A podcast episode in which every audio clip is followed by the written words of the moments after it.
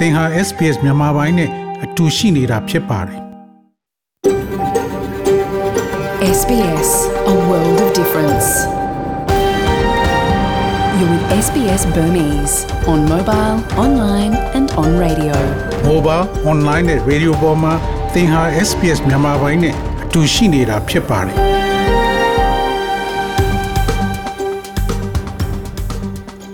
တော်ရရှိမြချစ်တိမင်္ဂလာဖျာဖျာနဲ့ ပြည့်စုံတော်မူကြပါစားခင်ဗျာ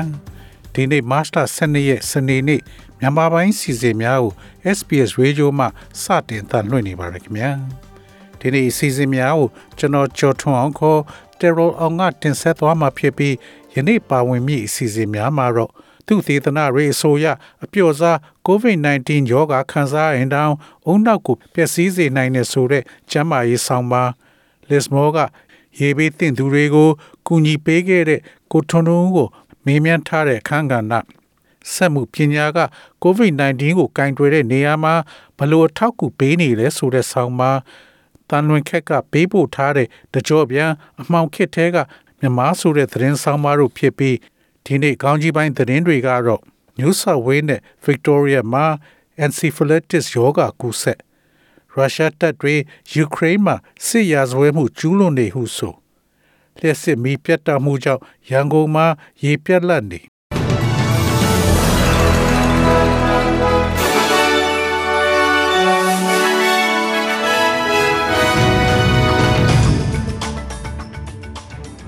ယခုချိန်ကစပြီးသတင်းများကိုကျွန်တော်ကြော်ထုတ်အောင်ကစတင်ဖတ်ကြားပါတော့မယ်။ New South Wales နဲ့ Victoria မှာ encephalitis ရောဂါကူးစက် New South Wales နဲ့ Victoria တို့တွင်ဂျပန်အုံနောက်ရောင်ရောဂါ encephalitis ရောဂါပိုးကူးစက်မှုအသစ်၃ခုကို အာဏာပိုင်များက တွေ့ရှိခဲ့တယ်လို့ဆိုပါတယ်။ New South Wales ကျန်းမာရေးဌာနမှ၎င်းတို့ရဲ့ဒေသခံဖြစ်ရက်မှာ Goulburn ရှိအသက်60အရွယ်အမျိုးသားတဦးဖြစ်ပြီးဆေးရုံတွင်စေကူသမှုခံယူခဲ့တော်လဲနောက်ပိုင်းမှ ပြန်လည်သက်သာလာခဲ့ပြီးယခုအခါပြန်လည်ထူထောင်ရေးလူနာဆောင်တွင် ပြန်လည်ကောင်းမွန်လာနေတယ်လို့ New South Wales ကျန်းမာရေးဌာနမှပြောဆိုပါတယ်။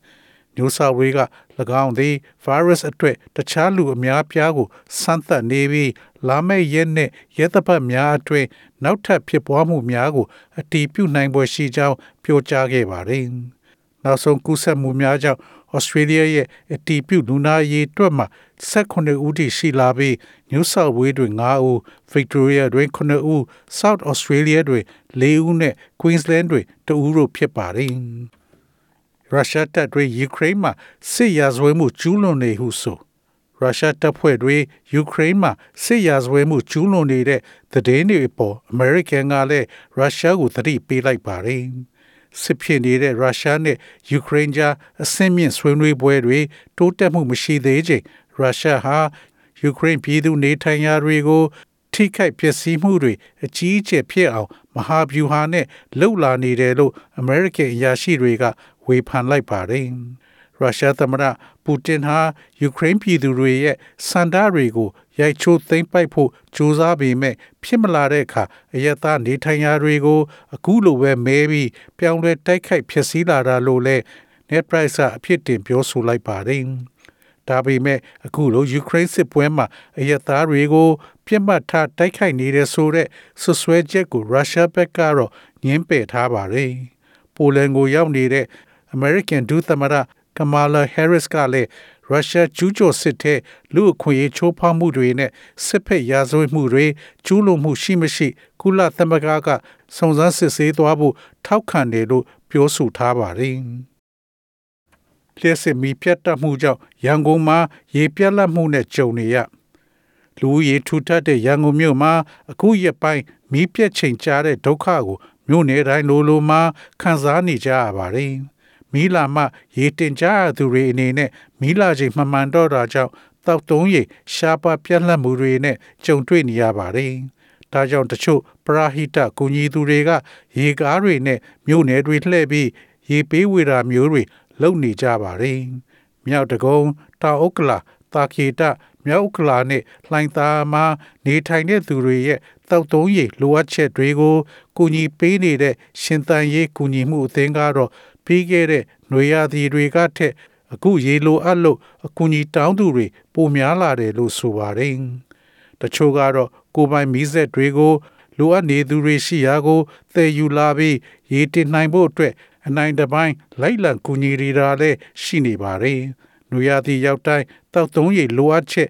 ကူညီဆောင်ရွက်ပေးနေရတယ်ဆိုပေမဲ့အခုတော့နွေရာသီအစမှကတည်းက လျှက်စစ်မီပြတ်တဲ့နောက်ဆက်တွဲအခက်အခဲတွေရှိနေတာလို့အကူအညီပေးသူတွေက ပြောဆိုပါတယ်။ရွှေရောင်သမိုင်းပရာဟိတာကတော့ရေလိုအပ်နေသူတွေကို အခက်အခဲတွေရှိတဲ့ကြားကကူညီပေးနိုင်အောင်ကြိုးပမ်းနေတယ်လို့ပြောဆိုပါတယ်။မိဆက်အသုံးပြုပြီးလျှက်စစ်မလာတဲ့ပြဿနာကို ဖြေရှင်းကြရတဲ့နေရာမှာလဲဆက်သုံးစီဈေးတွေကကြီးမြင့်နေတာကြောင့်အခက်အခဲတွေရှိနေပါတယ်။လောင်စာစီဈေးနှုန်းတွေက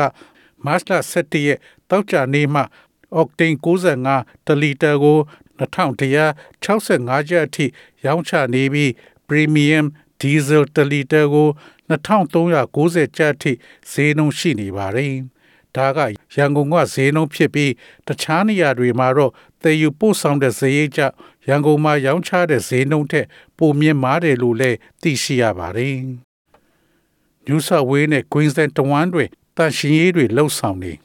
ရေကြီးရေလျံမှုများကြောင့် New South Wales နဲ့ Queensland တဝမ်းတွင်တန်ရှည်လုံဆောင်မှုများကိုအရှိန်မြင့်လှုပ်ဆောင်နေပြီးပျက်စီးမှုတိုင်းတာကို အပြည့်အဝစရင်ကောက်ခံနေပါတယ်။ယခုအခါတွင်ဩစတြေးလျကာဝေးရေးတပ်ဖွဲ့မှတပ်ဖွဲ့ဝင်6000ကျော်သည်ဒေသဆိုင်ရာစေနာဝန်ထမ်းများနှင့်ကောင်စီများကိုကူညီရန်ပြည်내တစ်ခုတွင်ကွင်းစင်ထားပြီး Queensland တွင်ကာကွယ်ရေးတပ်သား1400နှင့် New South Wales တွင် 4500ကျော်ရှိပါသည်။ New South Wales မြောက်ပိုင်းရှိ Lismore တစ်ခုထဲတွင်အပစ္စည်းများကိုစုဆောင်းရန်အနည်းဆုံးထရက်ကာ45စီးခန့်ကိုတာဝန်အပ်ထားပြီးအမိုက်များစုဆောင်းရေးနေရာများသို့တမရစ်လျင်ထရက်ကာဒဇင်းစီရောက်ရှိလာတယ်လို့သတင်းများအရသိရှိရပါတယ်။ New South Wales ပြည်နယ်ဝန်ကြီးချုပ် Dominic Perrottet က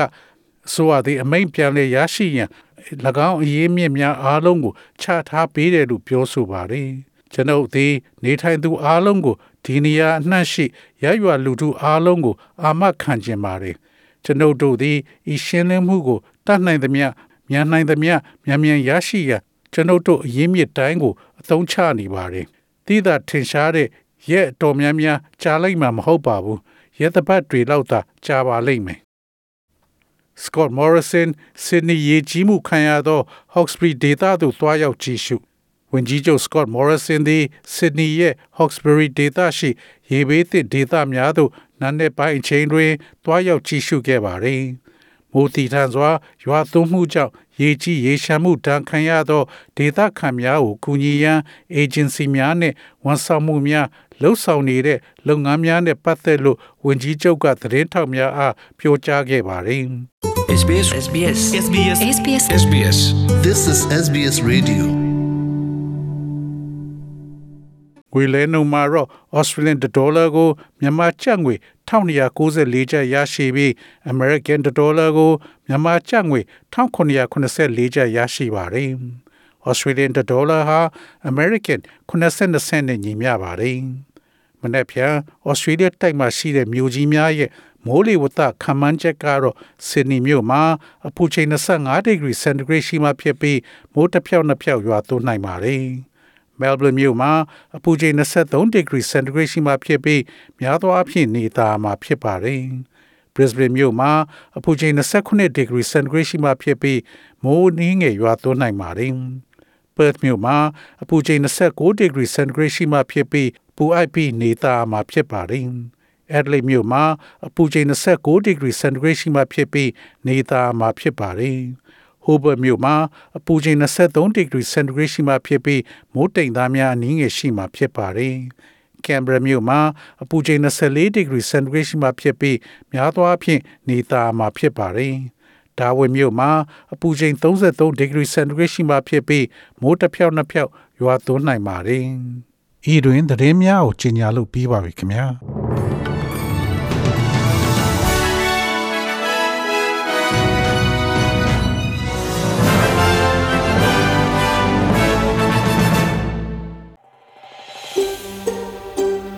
။ဒါမျိုးသတင်းဆောင်မာတွေကိုပိုနားဆင်လိုပါလား Apple Podcast Google Podcast Spotify တို့မှာသင်ပင်ရာဖြစ်ဖြစ်ရယူတဲ့ podcast ကနေပါ